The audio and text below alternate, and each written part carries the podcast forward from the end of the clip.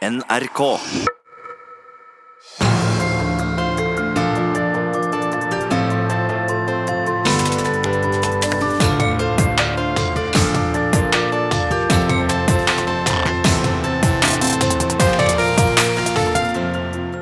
I disse dager er det snart to år siden den norske pensjonisten Frode Berg ble pågrepet av russisk politi og fengsla for spionasje.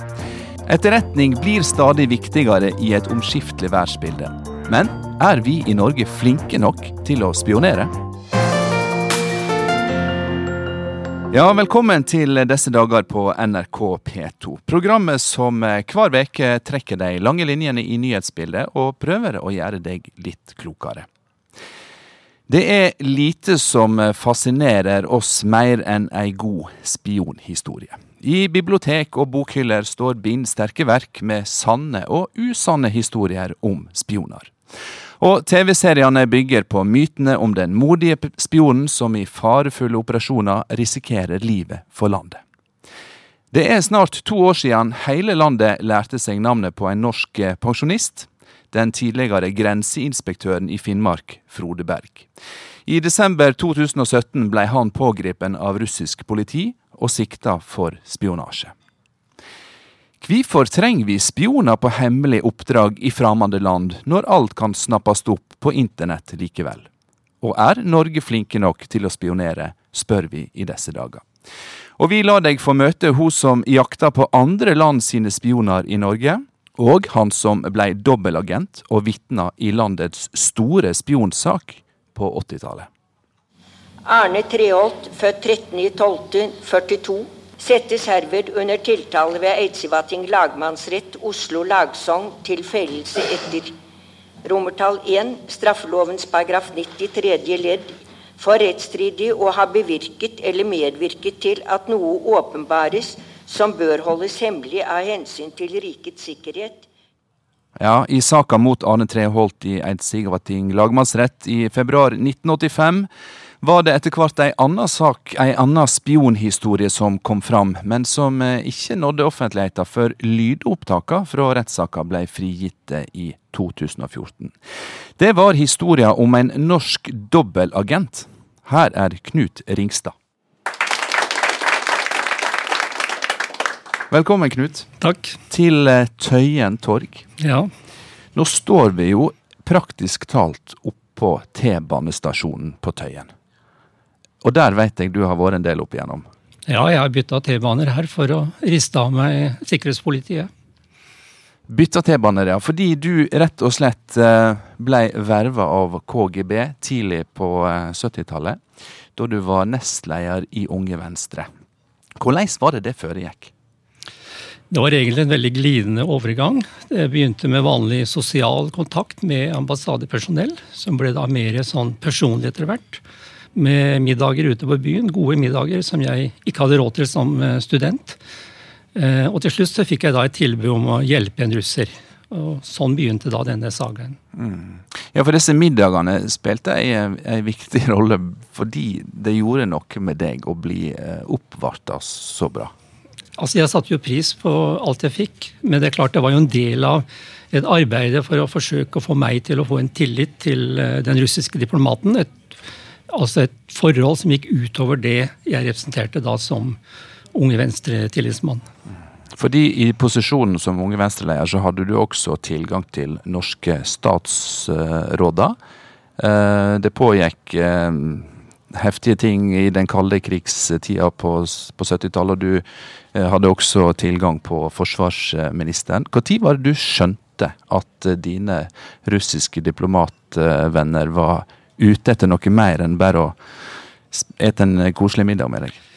Altså Jeg syns jo han ble mer og mer intens. Og en kveld så og Det var jo ikke noe særlig alkohol med i disse middagene.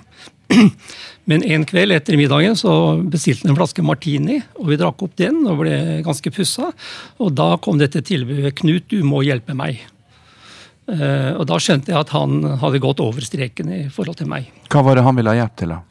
Han ville ha hjelp av meg til å finne ut uh, altså få informasjon om amerikanske borgere i, US, i Norge. Du skulle kartlegge amerikanske borgere? Innhente informasjoner om amerikanske borgere etter nærmere detaljering fra hans side. Ja, Hva svarte du da? Jeg, ba om, eh, jeg sa først at dette her er jo eh, spionasje. Dette er ting ikke jeg kan gjøre som norsk eh, statsborger. Og da svarte han bare at nei, men dette gjør du for meg som en god venn. Og, og slik skilte vi lag den kvelden på Wessels i Oslo. Ja. Og så seinere i 1972, da var du på en fredskonferanse i Brussel, og da ble du invitert opp eh, på smørbrødlunsj på rommet til en eh, annen sovjetisk diplomat, som eh, viste seg å ikke være hvem som helst. Det kom bort til meg på konferansen en veldig usympatisk russer som sa til å do her'. Og ja, Jeg måtte jo bekrefte at jeg var der, men altså, jeg kjente ikke han. Og jo da, vi har drukket sammen mange ganger på Roske ambassade i Oslo. Ja. Og han inviterte meg på en smørbrødlunsj. Og eh, når den var ferdig, så bare snudde han seg og gikk. Han sa ikke bye bye engang. Og det var den episoden. Og jeg skjønte da i ettertid at det var en veldig ledende KGB-mann som da egentlig hadde gitt grønt lys for å gå videre med meg. At du nærmest var oppe til en slags godkjenning? Ja, jeg ble godkjent. Men Knut, tilbake til eh, livet som dobbeltagent. Fordi du eh, vender deg til eh, det norske politiets overvåkingstjeneste, som sa at eh, bare hold fram med disse middagene og disse møtene. Hva eh, gjorde du så i forhold til norsk eh, overvåkingspoliti? Altså, Dagen etter at jeg fikk tilbudet, så satt jeg i møte med ledelsen i Venstre, og også hadde møte med Helge Seip, som da var formann i utenrikskomiteen i Stortinget. Og De formidla da kontakt med overvåkningspolitiet, og jeg var der veldig raskt. Og satt lenge inne der og gikk gjennom hele saken. Eh, jeg hadde jo notert ned alle møtene mine med russeren, slik at jeg kunne bekrefte når og hvor jeg hadde møtt han. Og etter det ble jeg da bedt om å fortsette denne kontakten. Og så ble du dobbeltagent, og når du skulle møte dine russiske kontakter og føringsoffiseren Etter hvert så flytta de møta seg fra Oslo sentrum og de eh, dyre restaurantene i sentrum til litt mindre sofistikerte kneiper og sjapper utafor sentrum. Og da ble plutselig transporten ut eh, et poeng, at den skulle foregå usett. Ja, Til min store beklagelse så ble da hvite duker bytta ut med Respatex-bord. og ja. Det fikk også Høyesterett til å le, husker jeg, fra opptakene. Eh, og da ble det en mer komplisert måte å frakte seg fram til eh, bestemmelsesstedet på. Og det er der Tøyen T-banestasjon kommer inn? Ja, her bytta vi, her bytta vi forbindelser, ja. ja. For du, først ble du da bedt om å ta taxi opp i eh, Groruddalen, for så å ta T-banen ned igjen til Tøyen stasjon og bytte bane. Ja, Nå er det så lenge siden jeg har lest saken min at jeg husker ikke alle detaljer. Men, det, men det, stemmer. det stemmer ja. Og Formålet var å riste av seg eh, spanere fra politiets ja. overvåkingstjeneste, ja. POT. Hvordan var det å holde på slik? Det var både spennende og slitsomt. Eh, det var spennende på den måten at du gjorde en erfaring som veldig få andre har med seg her i livet.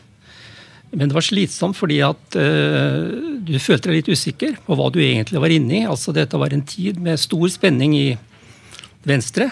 Jeg satt i sentralstyret. Det var veldig mange i Venstre som mente at Unge Venstre var for myke på kommunistene, og vi reiste jo en del i Øst-Europa. Og det er klart at uh, når jeg da overleverte dokumenter til russeren og fikk penger tilbake, så var jeg i en veldig sårbar situasjon. Mm. Um, slik at jeg var egentlig redd for at jeg skulle gå i et bakhold og egentlig bli da eksempler på at jo, Unge Venstre er myke på, på russerne. Mm. Og Det som jeg også mislikte veldig sterkt, var at dette skulle være en veldig fortrolig sak mellom meg og overvåkningspolitiet. Men det var helt åpenbart at de lekka saken videre. Slik at jeg fikk, ble kontaktet av personer som jeg ikke ville ha noe med å gjøre, og som helt åpenbart kjente til min sak. Så, så, jeg var redd at det var et større spill bak meg enn eh, at jeg kunne bli et brikke i et spill i alt dette her. Og så var du jo i, i, dette spillet ei brikke. Eh, du var jo åpenbart så nyttig at det enda med utvisning av eh, sovjetrussiske diplomater på bakgrunn av det du hadde gjort. Men jeg tenker at du nå, nå sett sittet en nordmann i et fengsel i Russland i snart to år eh, sikta og dømt for spionasje mot Russland. Og så har det kommet fram opplysninger denne siste veka om at eh, tryggingstjenesten FSB har eh, fora norsk etterretning med eh, ufarlige dokument, som de visste havna hos norsk E-tjeneste. Uh, og du også fikk jo informasjon fra politiets overvåkingstjeneste som skulle gi videre til uh, sovjetrusserne. Ja, I bytte mot penger. Alt det russerne fikk av meg, var fremskaffet av politiet. Ja. Hva type dokumentasjon og informasjon var det? vet du det? Jeg husker det var noe med noen deltakere på en konferanse i, uh, på Blindern. og Jeg hentet noe informasjon på amerikansk ambassade. Jeg husker ikke disse detaljene, men det var stort sett rettet mot uh, amerikansk uh, tilstedeværelse i Norge. Og så for nye lyttere, da uh, mener jeg de som er fødde etter 1990, så må vi jo Knut opplyse om at uh, dette var i fasttelefonens tid og telefonkioskens tid. Ikke engang telefaksen var tatt i bruk da du opererte som dobbeltagent. Og så har jeg lest at det også da avtalte ikke bare møter med mm, diplomatene fra ambassaden, men også reservemøter. Hva dreide det seg om? Det var en ganske komplisert modell på at vi avtalte et møte, og hvis ikke han da kom til det møtet, så skulle vi ha et nytt møte et annet sted etter en viss tid, og hvis ikke det møtet fant sted, så var det et annet sted etter en viss modell igjen, som ikke jeg husker detaljene på nå. Men poenget var at jeg skulle ikke ha direkte kontakt. Jeg skulle ikke ringe ambassaden for å avtale noe med min agent. Ja, og dette var jo før GPS-ens og tekstmeldingene sin tid også. Dette var jo en veldig hva skal jeg si, analog metode de brukte. Personlige møter på restauranter, overlevering av papir, du fikk penger i en konvolutt i retur. Men den type virksomhet, eh, tror du den pågår i det norske samfunnet i dag? Det tror jeg absolutt. Du tror det, men, men har du grunn til å, noe mer enn å tro? Altså jeg tror det er generelt naivitet i forhold til veldig mange på akkurat området her. og at uh, at et, eh, en vanlig relasjon fort glir over i noe annet enn det det egentlig skal være, og at vi er litt sånn godtroende. Og det var flere som har kontaktet meg for å spørre meg til råds om dette er en sak som de bør gå videre med. Og mitt råd er alltid at er du usikker i forhold til en utenlandsk makt, så gå til politiet. Så du blir kontakta av folk som vil ha dine råd, fordi de lurer på om det er i ferd med å gå i ei spionfelle? Jeg vil ikke si at dette er en dagligdags sak, men jeg er jo blitt kontaktet av flere for å spørre om råd. Og mitt råd er veldig enkelt gå til politiet. Ja. Men hva er det de som kontakter deg, forteller at de har blitt utsatt for? det? De føler vel kanskje at den relasjonen de har til vedkommende, begynner å gå lenger enn det den egentlig burde gjøre på et vanlig forretningsmessig grunnlag. Og det er folk som har relasjoner til uh, utenlandske statsborgere, ambassadetilsatte og slik? Ja. ja. Og da er det ikke noe å lure på, sier du? Da er det bare å gå til uh, PST? Altså, Jeg ble veldig godt håndtert av PST. Det var liksom uh, tryggheten i det arbeidet jeg hadde, det var at de to agentene, eller føringsoffiserene jeg hadde i PST, var veldig veldig flinke og forsto min situasjon som 22-åring. Eh, Men anbefaler du eh, livet som dobbeltagent? da? Hvis det sitter noen og lurer på om de skal ringe PST og fortelle at det er en, eh, en utenlandsk statsborger som er, som er litt nærgående? Ja, det spørs jo hvor eventyrlysten du er. Det er jo en spesiell erfaring. Men uh, i denne bransjen så er det jo stort sett bare tapere. Så uh, man bør iallfall tenke seg veldig godt om før man går inn på dette.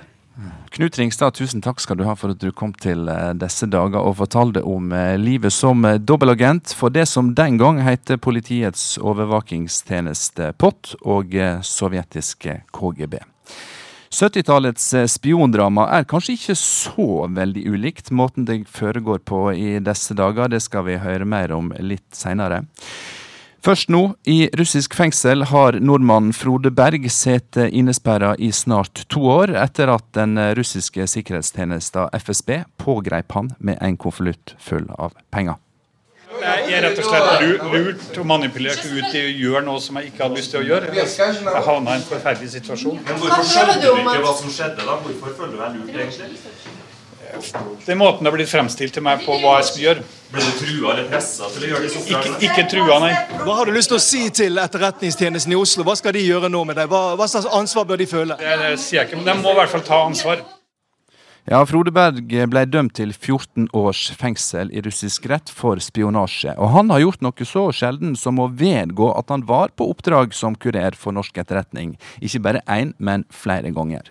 Vi får snart inn representanten fra PST, som skal lette litt på mystikkens slør som omgir deres arbeid for å avsløre utenlandske spioner i Norge.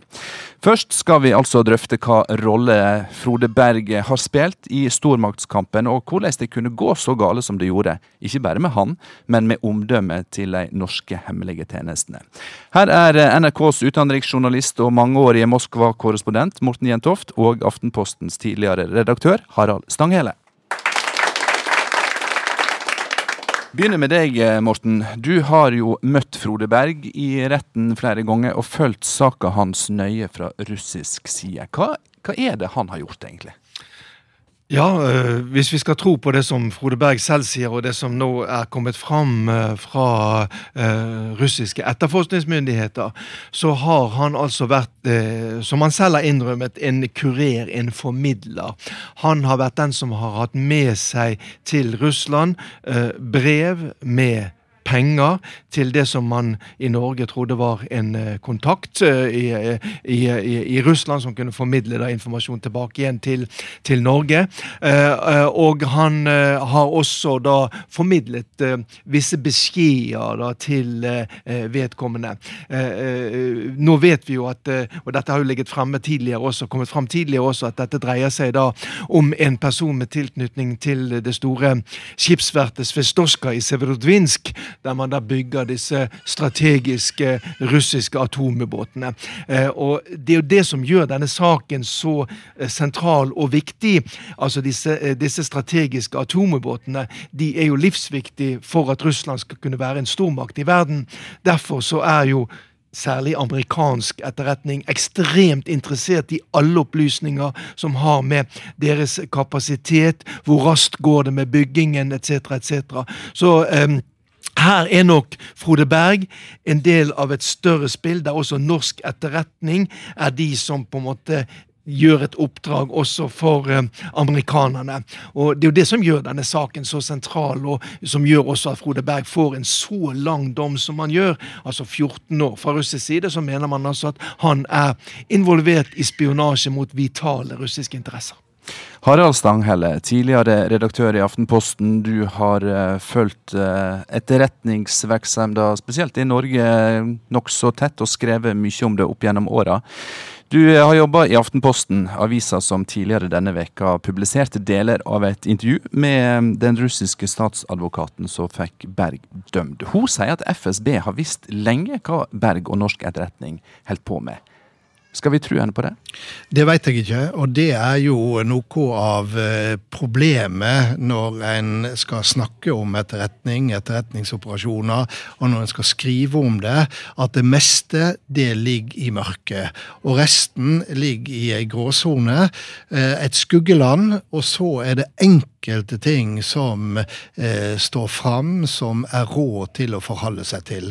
Derfor er det så veldig vanskelig å vite om eh, statsadvokaten som førte saka mot Frode Berg, eh, snakker sant, eller eh, om hun er en del av den fortellinga som FSB og russerne gjerne vil fortelle her. Uansett, det vi veit er at eh, Frode Berg ble arrestert, han ble dømt, og han ble tatt in flagranti, altså på fersken. Med andre ord, dette er ikke ei sak som er funnet opp av russerne. Det er ei ekte sak. Eh, som involverer ekte spionasje. Det vet vi. Og så må vi også være klar over at vi ikke har den hele historien. Frode Berg har altså gjort noe så uh, sjelden som å vedgå at han har vært uh, på kureroppdrag for norsk uh, etterretningstjeneste. Og så sier han nå, fra, fra, da han satt i fengsel, at han føler seg lurt. Har Frode Berg vært en nyttig idiot for norsk etterretning? Det er jo også for tidlig å si, og her har vi jo bare Frode Bergs syn. Vi har jo ikke fått f.eks. Norsk etterretningstjeneste sitt, sitt, syn på denne saken her. Og her er det selvfølgelig også en annen part. Han personlig eh, sier jo at han ikke visste hva han gikk med på, men han har jo sagt at han visste at han forholdt seg til personer i norsk etterretningstjeneste, eller med tilknytning til norsk etterretningstjeneste. Men han kan jo også snakke sant at han ikke visste hva disse konvoluttene inneholdt. Men han har altså innrømmet at han har hatt kontakt med personer som han visste hadde tilknytning til norsk etterretning. Og han har altså innrømmet at han da eh, fem ganger har postlagt da eh, 3000 eh, euro i, i, Russland, pluss da noe annen informasjon. Det har han jo innrømmet, men han nekter jo for at han har deltatt aktivt i innsamling av spionasje. Og det er jo eh, ganske betenkelig i denne saken her at han er altså dømt for spionasje, mens han egentlig bare har innrømmet at han har vært kurer. Mm. Stanghelle, dersom det er rett at FSB har visst om hva han og E-tjenesten har holdt på med, og hvis det er riktig at Berg har grunn til å føle seg lurt, hva tenker du at det forteller oss om norsk etterretningstjeneste? Altså Uansett så er dette en av de store skandalene i norsk etterretningshistorie. Fordi at det gjelder bare én regel, og det er det er ingen grunn til å bli moralsk oppbrakt over at også Norge er involvert i etterretningsorganisasjoner. Her er det litt hauk over hauk, og mange land er involvert eh, på ulik måte og med ulik intensitet og ulik aggressivitet. Eh, Norge har ført eh, spioner i det tidligere Sovjetunionen at de er levende interessert på etterretningssida hva som foregår bak våre østlige grenser i nord eh, det er ikke noen grunn til å bli opprørt. Men du har likevel stilt spørsmålet eh, på spalteplass i Aftenposten om Norge er gode nok til å spionere. Vil ja. du svare på spørsmålet ditt sjøl? Ja, i Frode Berg-saka, forutsatt at det han forteller er eh, så er det grunn til å stille det spørsmålet fordi at Frode Berg har fortalt hvordan han ble pressa til å gjøre dette. Han er blitt fortalt om hvordan han eh, Eh, kom inn i et spev som han ikke kom seg ut av. Eh, du har akkurat eh, hatt Knut som har fortalt om ubehaget, om det sårbare ved å være med i denne type operasjoner. Akkurat det samme har Frode Berg eh, fortalt om. Eh, han har fortalt eh, til Trine Hamram, som har skrevet bok om dette, om hvordan han kjente seg pressa mot ei grense som han ikke ville. Han ville ikke reise mer, likevel blir han pressa til det. Vi har et par andre dømme. Eh, Atle Berge i Ølen Betong, som har store eh, hadde store oppdrag eh, på, i Murmansk, som også har fortalt og til og med gått til sak mot, uh, mot uh, staten fordi at han mener han ble pressa både E-tjeneste og overvåkingstjeneste uh, på å, å, å, gjøre ting som han ikke burde gjort, og som han ikke burde involvert firmaet i. Hvis dette er riktig, eh, så eh, mener jeg det all grunn til å stille spørsmål om eh, Norge er gode nok på dette området. Sikkert er det i hvert fall at det gjelder bare én regel. Du skal ikke bli tatt, og det er Og du skal ikke bli avslørt, og det har skjedd i Frode Berg-saka. Altså Det er jo utgangspunktet her som gjør at mange mener at dette er en svært amatørmessig operasjon. Altså Her verver man en tidligere offiser i det norske forsvaret. En som har jobbet på grensen mellom eh, Norge og Russland. Med en gang Frode Berg lander på flyplassen i St. Petersburg eller Moskva, så blinker det selvfølgelig hos den russiske grenseoffiseren. Her er det altså en tidligere offiser eh, eh, og, eh, som er på besøk til Russland. Vi må kanskje følge med her. Og så er det også en annen regel innenfor når man driver med den type etterretningsoperasjon. Det er at man etter ett eller to oppdrag skal følge nøye med på hva er det som skjer med denne personen når han kommer til Russland. Altså Hvis alt går veldig glatt, så skal man ha en oppfølging av dette her. Og slik som det ser ut nå, så er jo dette da ikke gjort. Og Det eh, er det jo mange med mer kunnskap om dette her enn meg som mener at det viser at dette er en amatørmessig operasjon. Altså Man verver en tidligere offiser. Man følger heller ikke opp de oppdragene som man er på i Russland. Og eh, Frode Berg har jo sågar posta bilder på Facebook eh, med han, han angivelig har vært på, på kureroppdrag eh, for E-tjenester. Vi skal snakke litt mer seinere om hva det vi deler i sosiale medier kan brukes til. Harald Stanghelle, du sa i stad at dette er en av de store skandalene i norsk etterretning. Men det har vel ikke blitt behandla som en skandale, akkurat? Nei, det er stille skandale. Og eh, det er jo også en av grunnene til at eh, når en skal vurdere dette, analysere det, så mangler en veldig, veldig viktig informasjon til å utfylle dette bildet. Fordi at det er absolutt ingen på norsk side som virkelig vet noe om dette, som sier et eneste ord. Eh, styresmaktene er larmende tause. Eh, etterretningstjenester er enda tausere, om det er rå. Sånn at det vi vet, det er fra eh, Eh, russisk side. Og det vi vet, det er eh, det som Frode Berg sjøl har fortalt. Men vi vet jo også at han er i russisk eh, fengsel, og derfor kan ha sine grunner til å framstille dette på denne måten. Så her blinker det mange varsellamper når en skal ta og, og skrive om dette, når en skal analysere om det, når en skal snakke om det. Men et av de få fakta vi vet, det er akkurat dette at Frode Berg ble arrestert. Vi vet at eh, han må ha vært på et oppdrag for norsk etterretningstjeneste. Og vi vet at norske styresmakter ikke et sekund har prøvd og protestert og sagt at dette er en urettvis arrestasjon. Snarere tvert imot. Morten Jentoft, eh, det kom altså nyheter fra Litauen for eh, noen dager siden om at eh, Frode Berg kan bli utlevert som en del av en avtale mellom Litauen og Russland. Og Det var jo en grunn til at dette ble offentlig via det litauiske parlamentet? Ja, fordi at det er jo en interessant situasjon, dette her. Fordi at i Litauen så var de opptatt av ok, vi har nå to uh, litauere som sitter fengslet i Russland, som skal da utveksles mot én eller to russiske agenter som er dømt i Litauen. Men de personene som nå blir utvekslet, hva slags status har de når de kommer tilbake til hjemlandet?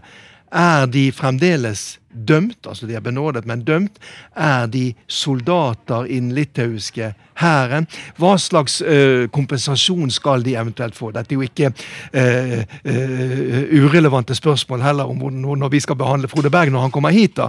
Men grunnen til at dette ble da en lovpros eller en prosess i det litauiske parlamentet, det var at man ønsket noen presiseringer i nettopp hva slags status man skal gi disse personene i forbindelse med en sånn benådningsprosess. Og Det er jo Eh, det som har gjort at saken nå har kommet til offentligheten. Det var nok ikke tanken det. Dette skulle ha skjedd i det stille. Og Spørsmålet er jo, som en også stilte seg i det litauiske parlamentet, hva status eh, har våre lands eh, etterretningsagenter når Frode Berg kommer hjem til ribbemiddagen med familien? Hva status tenker du Harald Stanghelle, at staten Norge bør gi han? Jeg håper bare inderlig at eh, norsk etterretning er så menneskelig voksne at de tar imot ham på en god måte. Hvis han, uten at dette var avtalt på førerhånd, har tilstått, la korta på bordet i en russisk rettssal, så finnes det helt sikkert folk i E-tjenesten som er eh, rasende på han, eh, og som mener han har svikta. Jeg håper inderlig at det finnes voksne folk der oppe på Lutvann som eh, roer dette ned, og som sier at her er det en som har gått i etterretningskrigen på Norges vegne. Da får han også behandles eh, som det. Jeg håper at ikke de tar ut eh, irritasjonen sin, redselen sin, forbannelsen sin eh, på en som virkelig har vært i eh, den vanskeligste og mest ensomme av nesten alle posisjoner du kan være i, nemlig som norsk agent bak i gåshauget fiendens linje. Du sier dette med sånn intensitet at jeg, eh, jeg tenker at du har dine tvil om det er sånn det kommer til å gå? Ja, fordi at eh, eh, det er nok de som både er skuffa og forbanna på Frode Berg. Eh, og da er det vanskelig å se forbi den og oppføre seg med den raushet og sjenerøsitet som eh, en bør gjøre. Frode Berg må forstås og ikke fordømmes.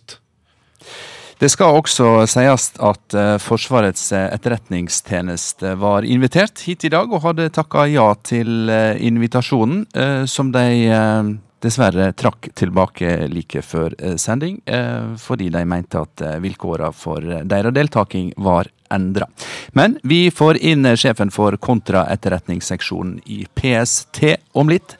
Takk skal du ha, Morten Jentoft. Du skal nå få gå videre i arbeidet ditt med Frode Berg og hans framtidige lagnad. Harald Stanghelle, jeg vil gjerne at du blir med oss også mot eh, slutten av sendinga. Takk eh, så langt.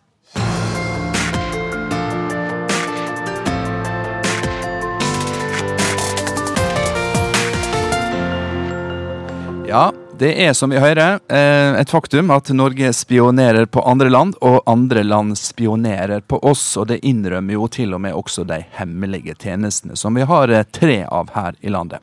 Men eh, hvorfor sender vi da spioner på oppdrag i andre land, når det meste av informasjonen kan snappes opp på internett? Og hvem er disse agentene som spionerer på oss, og hva vil de vite?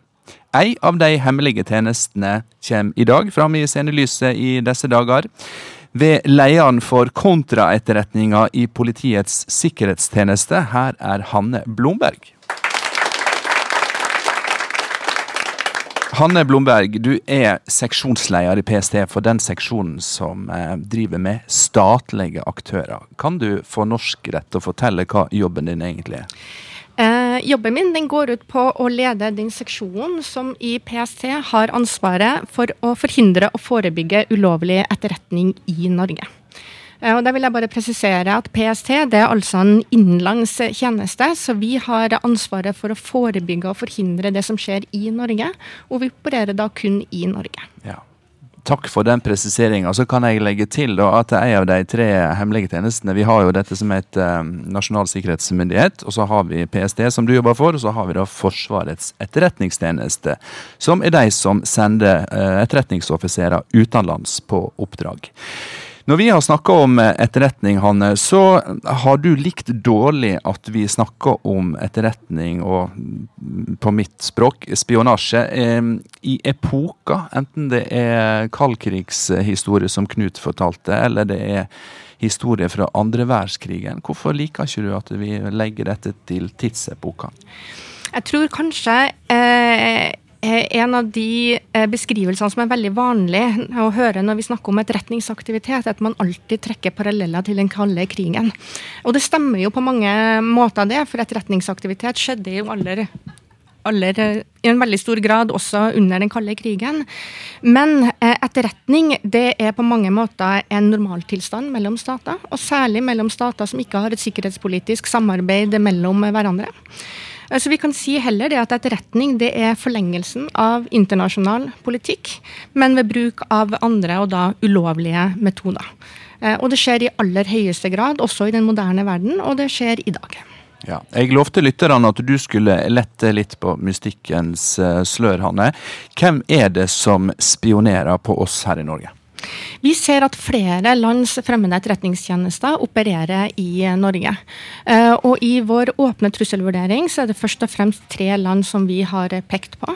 Eh, det ene har vi jo snakka om en del allerede, og det er Russland. Og så har vi også pekt på Kina og på Iran. Eh, men jeg har også lyst til å presisere at det er flere land enn disse tre som opererer i Norge. Hva land snakker vi om da? Da er jeg tilbake til det jeg sa tidligere, typisk med land som vi ikke har et sikkerhetspolitisk samarbeid med. Eh, vi ser bl.a. Eh, at vi har eh, land som har en del flyktningmiljøer som opererer her i Norge, som viser interesse for disse miljøene, for å legge bånd på disse i den aktiviteten som de viser her. Ja, For å ha kontroll på sine borgere i eksil. Ja, klassisk ja. flyktningspionasje. Ja. Men de som er interesserte i andre deler av det norske samfunnet, du nevner Russland, Kina, Iran. Hva er det de er på jakt etter av informasjon?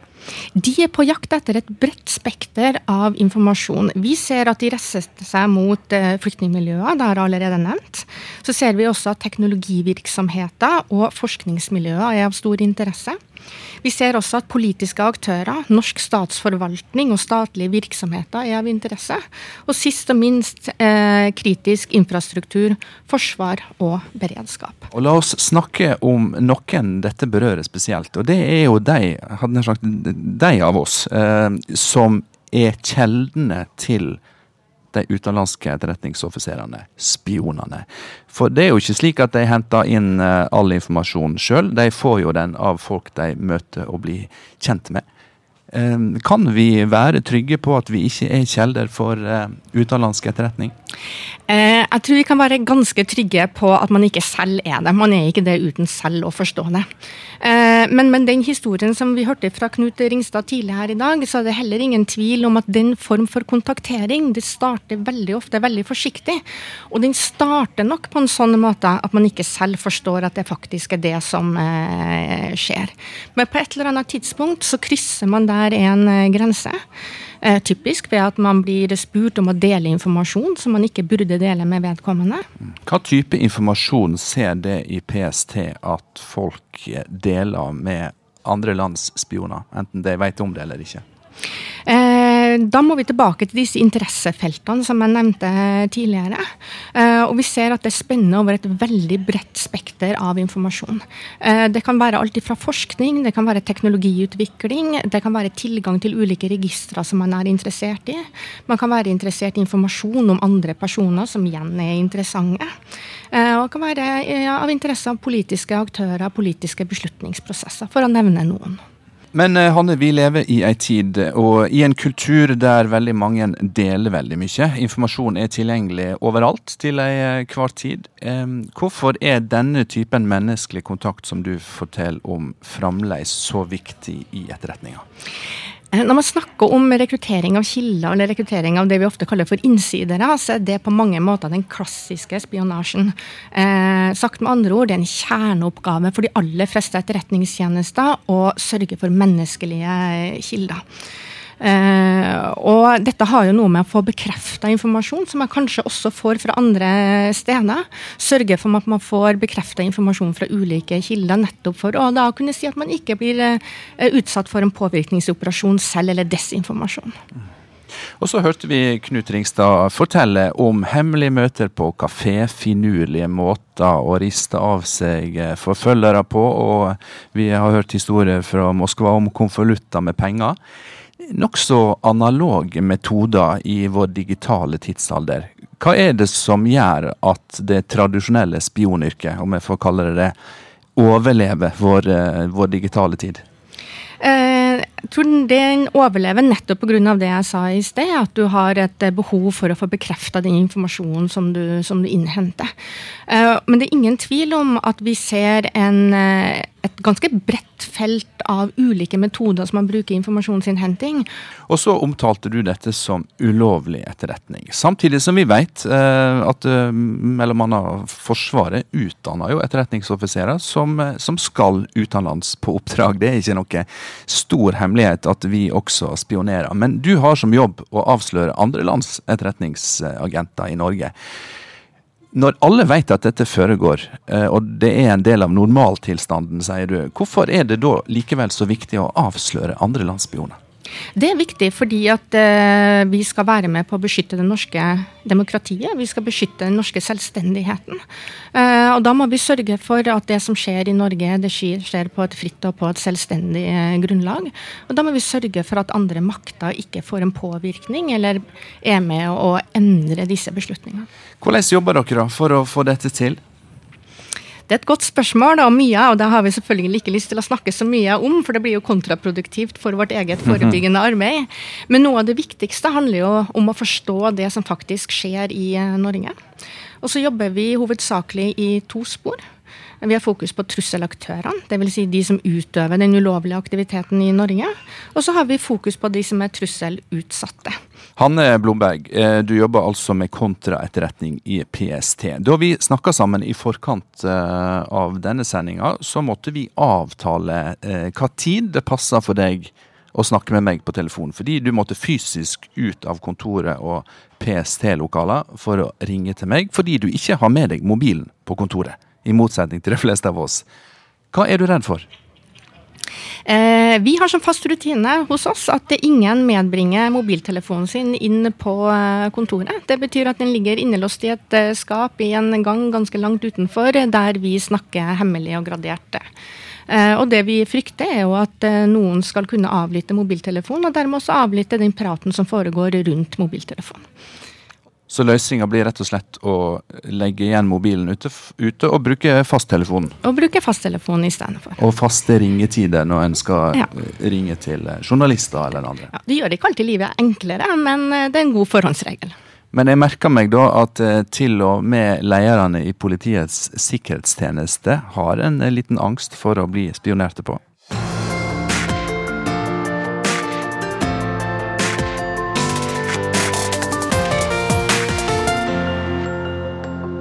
Du at du blir spionert på? Nei. Eh, nei. Eller kan, kan godt hende, men jeg tenker ikke på det. Det må være veldig kjedelig for den som spionerer i så fall. Da finner de snart, snart på noe annet å gjøre, tenker jeg. Eh, nei, jeg tror egentlig ikke det. det er, man sier vel at det er noe av eh, egenskapene til det norske folk at vi har mye tillit til hverandre.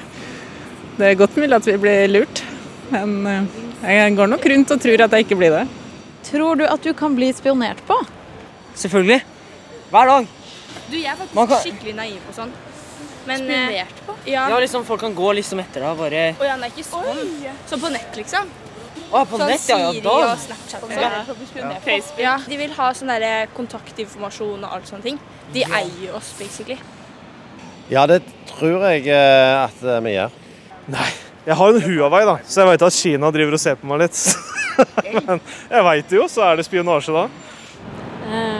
Nei, det er vel ingen som spionerer på meg. Eh, Jeg tror definitivt vi blir spionert på. Det er jo bare å se på hvor mye penger som brukes på etterretningstjenester. Og jeg tror vi blir spionert på eh, og av kommersielle aktører. Hvis du ser hvor mange datapunkter Facebook har på deg som privatperson. Er det spionasje? Ja, Det er vel kanskje ikke definisjonen som spionasje, men at vi har et samfunn hvor mange aktører aktivt er ute etter å samle data om deg, det er utvilsomt. Ja, vi legger nok igjen flere spor enn vi tror eller liker å tenke på på internett. Spørsmålet er hva disse sporene kan brukes til av eh, noen som kanskje ikke har så gode hensikter, og hvordan eh, denne digitale sporinga påvirker oss i hverdagen, det at storebror ser oss. Dette er jo spørsmål som du, førstelektor Henrik Skaug Sætra ved Høgskolen i Østfold, eh, interesserer deg spesielt for. Skal vi nå gå ned til det grunnleggende og snakke om hva spor er det vi etterlater oss i digitale flater? Ja, Det blir jo et ganske stort spørsmål, for det er, hvor legger man ikke fra seg spor lenger? er kanskje lettere å svare på. Eh, når du er på internett, så vet de hva du ser på. De vet hvor lenge du ser på hva, hvor lang tid du bruker på de forskjellige tingene på eh, Facebook eksempel, sånn. Så de vet mye mer enn bare at du har vært inne på en side. For eksempel. de får veldig detaljert informasjon. Um, De vet jo hva du liker, hva du trykker på, hva du kanskje nesten trykker på, hva du dveler litt ved på en nettbutikk. på sånne ting, og Den type informasjon deles, og det er mange som henter den inn. Fitbiten din vet hvor du er, den vet måtte, hvilken tid på måneden det er, den vet når du sover, når du ikke sover, den vet når du er ute og løper. den vet sånne ting. Og bare parentes Fitbit for de som ikke er så uh, opptatt av fitness. Ja, En aktivitetsmåler som på en måte får med seg hvor mange skritt du går, hvor du løper, hva du gjør, pulsklokke. Og Garmin vet jo da like mye. Og Du kobler gjerne denne her til f.eks. Endomondo og andre typer tjenester, og deler det på Facebook osv. Um, så har man um, trådløst nettet sitt, f.eks. Hva man ser på der, hva man bruker det til. Uh, hva du bruker på ditt eget trådløse nett, hvis det er åpent, er jo én ting. Eller om du kobler deg på andre trådløse nett, som er åpne og gratis, fordi de vil innhente informasjon om hva du driver med. Der. Og vi har ikke engang nå enda snakka om GPS-signaler, som uh, forteller internettet hvor vi er, og hvor Mm. vi har vært, og kanskje til og med snart hvor vi skal. Ja, altså De vet jo hvor du skal. Google Maps vet hvor jeg skal nå, uten at jeg har sagt det til den noen gang. fordi den følger med hele tiden på hvor jeg er. Så når jeg setter meg i bilen en morgen, så sier den plutselig hei, nå tar det så og så lang tid å kjøre sønnen din på trening. Fordi den vet at den tiden, den dagen, så er det normalt sett det jeg gjør. Når jeg setter meg inn i bilen, så sier den nå er det så lang tid å kjøre hjem eller på jobb, eller sånt, avhengig av hvor den vet eller tror da, at jeg skal. Stort sett så stemmer det ganske bra, for de vet ganske mye om oss. Ellers har man hjemme også strømmålere som følger med på hva vi bruker av informasjon. Det er digitale spor. Nesten alt av det vi kjøper av produkter, kan være digitale nå. Sånn Internet of Things kaller de det. Det vil si at kjøleskapet ditt, vaskemaskinen, alt sånt kobles til en app, og alt sånt deles. Og kan settes sammen igjen. Så er det digitale spor. Henrik, du snakka med dette om et smil om munnen, men bak det smilet så skjuler det seg jo ei, innerst inne djup uro for dette. Mm. Ja, jeg tenker at det er dypt problematisk at noen vet så mye om oss som de nå etter hvert gjør. Fordi det gjør oss veldig sårbare. Det kan jo kobles til på en måte, Dersom noen har lyst til å ha et overtak på oss, så har de fort det hvis de har all den informasjonen om alt det vi driver med, inkludert alle de tingene vi helst ikke skulle eller helst ikke vil at andre vet at vi driver med. Det er jo én ting. På den andre måten så er bare det at de har så dype personlighetsprofiler på oss, vi kjenner oss så godt, gjør at de kan påvirke oss på en veldig effektiv måte. De kan bruke det mot oss igjen for å få oss til å gjøre som de vil. Men når det har blitt sånn at det ikke lenger er et menneske av kjøtt og blod som kjenner oss aller best, men det er faktisk internett, hvorfor gjør ikke vi da noe for å unngå dette? Fordi de tjenestene vi får tilbake for å gi fra oss denne informasjonen, er så utrolig nyttige for oss. Vi tenker at det er kjempeflott at vi får vite hvor lenge vi sover, hvor lenge vi gjør sånn og sånn. Mm, Ja, hvor langt vi har løpt, hvor vi har løpt, om vi løp litt fortere enn vi gjorde forrige uke. Alt det her. At vi vet hva vennene våre gjør på Facebook. At vi gjør, vet hva måtte, eh, idrettslaget til sønnen min, for eksempel, hva som skjer rundt det. Altså Hvis jeg skal velge å ikke være på Facebook og gi fra meg spor, så går jeg glipp av masse informasjon. Så det er på en måte gratis tjenester vi får, i bytte mot å gi fra oss all denne dataen. Og det tenker vi Når vi ser på de som isolerte tjenester, så tenker jeg at de fleste tenker at det er vel verdt å betale den prisen her. Jeg stoler på Facebook, eller jeg stoler på disse. Så det går nok bra, tenker vi, fordi vi får så utrolig mye igjen. Har vi gjort oss eh, mer eller mindre maktesløse i møte med det digitale skiftet? Jeg vet ikke om jeg har hatt så mye makt noen gang. for det er aldri egentlig, altså Disse er ting som har kommet uten at man egentlig har på forhånd hatt lover og regler og systemer for å regulere og håndtere det. Så jeg tenker at Dette her er ting som har kommet, og som ikke forholder seg til norsk lov eller europeisk lov nødvendigvis, og sånt heller, men som har kommet på en måte i forkant av lover og regulering. og Som da gjør det litt vanskelig å si at vi har blitt maktesløse. Jeg vet ikke om vi noen gang har hatt det. Men ja, jeg tenker at det er jo fullt mulig for oss å velge å la være å bruke en del av disse tjenestene, hvis vi bare tenker litt over hva som egentlig er viktig for oss, og hva vi egentlig har lyst til å dele av informasjon. Henrik, vi skal snakke mer etter hvert om hvordan alle disse digitale sporene påvirker vår eh, oppførsel. Tilbake til deg, eh, Hanne Blomberg fra Politiets sikkerhetstjeneste. Eh, Vi har i denne sendinga snakka veldig mye om de som har som jobb å hente informasjon uten å bli lagt merke til, også kalt spionene. Og nå snakker vi om de som deler informasjon nettopp for å bli lagt merke til, f.eks. i sosiale medier. Hvor sårbare gjør vi oss da for eh, utenlandsk etterretning, f.eks.? Eh, Det er ingen tvil om at utenlandsk etterretning også bruker sosiale plattformer på internett, eh, bl.a. for å kartlegge personer eller forsøke å hente inn informasjon som er relevant for de eh, der. Eh, Og Vi har jo snakka en del om rekruttering av kilder tidligere, og vi har flere eksempler på at bl.a. Facebook og LinkedIn har blitt brukt eh, i den type henseende. Og da ikke bare for å kartlegge personer eller for å finne informasjon om det, men også direkte kontaktforsøk fra en etterretningstjeneste, eller personer som er knytta til en etterretningstjeneste, mot enkeltpersoner. Men apropos sosiale medier og Facebook. Det er jo ikke mange dager siden Facebook stengte profiler med russisk og iransk opphav, eh, fordi det var mistanke om at dette var forsøk på å påvirke det kommende amerikanske valget. Er ikke slike ting enda større utfordringer også for kontraetterretningen i PST enn eh, spionene som måtte gå gatelangs eh, i Oslo og delta på hemmelige kafémøter? Eh, Det er i hvert fall en kommende trussel som vi forventer å se mer av i forhold til det vi har gjort eh, hittil. Og som jeg var inne på tidligere, så ser vi jo mange ulike metoder eh, som fremmede lands etterretningstjenester benytter i Norge. Og påvirkning er en av de som vi i hvert fall ikke i sånn stor skala har sett frem til nå. Eh, men det er noe som vi forventer å se ut ifra det vi har sett fra andre eh, land. Og så har jeg lyst til å legge, eh, legge til der at det vi har sett av forsøk på påvirkning i Norge, har jo vært mer enkeltforsøk, enten på enkeltsaker, eller man har brukt enkeltpersoner til å påvirke utfallet av saker. Og da er vi tilbake til bruken av enkeltpersoner igjen. Ja, og vi er tilbake til stikkordet påvirkning. For Henrik, du mener at det at vi er sporbare og synlige nærmest eh, døgnet rundt i digitale flater, det påvirker også hvordan vi lever livet våre? Mm. Jeg tenker jo det. For det første så påvirker det oss i den forstand at det kan brukes tilbake på oss. Det er jo den ene tingen. Men på den annen side så påvirker det oss også at vi vet at vi blir sett. Vi oppfører oss litt annerledes hvis vi er i en situasjon der det f.eks. er et kamera som overvåker oss. Forskning viser at vi gir eksempel mer penger til veldedige organisasjoner. Vi gjør alt mulig sånne ting hvis vi vet at vi befinner oss i en sosial situasjon. Det vil si, Hvis noen ser på oss, bare vi tror noen ser på oss, eller vi oppfatter det helt ubevisst at vi er i en sosial situasjon, så oppfører vi oss helt annerledes. Og det jeg syns er litt problematisk da, er jo at man mister litt av det private rommet, der man kan gjøre lovlige, men upopulære ting. på en måte. For jeg tenker at uh, Ulovlige ting tenker jeg, det, det er ikke så sentralt at man skal få lov til å gjøre som man vil. Men de lovlige tingene som flertallet syns er litt rart og litt forkastelig, litt merkelig, det tenker jeg det gjør vi litt mindre av. Det får vi litt mindre av hvis alle hele tiden blir sett. Du har tidligere referert til et eh, eksperiment som er mange år gammelt. Mm. Eh, på en arbeidsplass eh, der det var satt opp en boks der folk kunne betale inn til kaffe og kaker. Og så ble det hengt opp to forskjellige plakater Mm. over den boksen til Mm. ulike tider. Ja. Og folk ga jo over tre ganger så mye. Der det bare de hang opp en plakat bak denne boksen der folk betalte inn. Som det var et par øyne på den ene plakaten, og så var det et bilde av noen blomster på den andre plakaten. Og de som hadde et par øyne på en plakat på veggen, helt uten at de måte tenkte over det eller var bevisst på det, ga veldig mye mer til denne kassen. da. De var veldig mye mer gavmilde.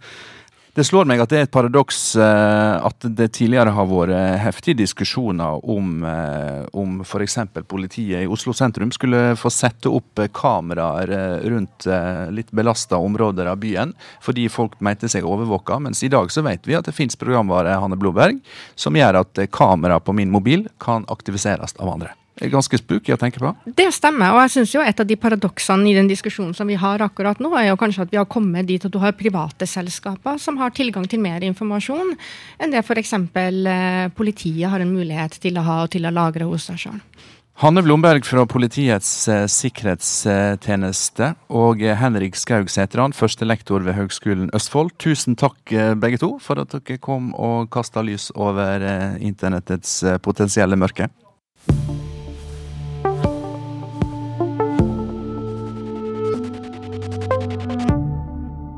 Du hører på disse dager på NRK P2, der dagens eh, tema er spionasje. Vi skal nå eh, oppsummere ved å hente inn igjen han som har levd så lenge at han eh, både dekka rettssaker mot spiondømte Arne Treholt, og at han går rundt med sist tilgjengelige teknologi, teknologi i form av en smarttelefon i lomma. Tidligere Aftenposten-redaktør Harald Stanghelle. Må spørre deg aller først, Harald. Er du redd for spora du legger igjen etter deg? Ja, jeg er redd for en situasjon der eh, alle legger etter seg spor, og der kampen for personvernet er allerede tapt. Nå har vi snakka mye om spionasje. Vi har hørt om eh, russiske, kinesiske og eh, iranske spioner i Norge. Og så hører vi hvor sporbare vi er i sosiale flater. Er det spionene, eller er det sosiale medier vi bør være mest på vakt mot? Ja, De fleste av oss bør jo være mest på vakt mot sosiale medier. Men det som vi som samfunn bør forstå, det er jo hvordan dette endrer alle spillereglene opp imot oss som enkeltpersoner og oss som samfunn. Vi legger oss åpne for alle former for både påvirkning, men også for overvaking. Og Én ting er i et eh, nokså gjennomsiktig og demokratisk land som Norge, men vi ser jo også dette i land med autoritære regimer, at teknologien eh, gjør overvakinga og undertrykkinga eh, nærest optimal. Og når vi vet også at det er ikke selvsagt lenger at alle demokratiske land vil holde fram med å være like demokratiske, eh, så er det grunn til bekymring. Eh, Et samfunn i dag, et styresett som ønsker å, fall, eh, å, å følge med på borgerne sine, de har enorme midler til å holde eh, folket sitt under full kontroll.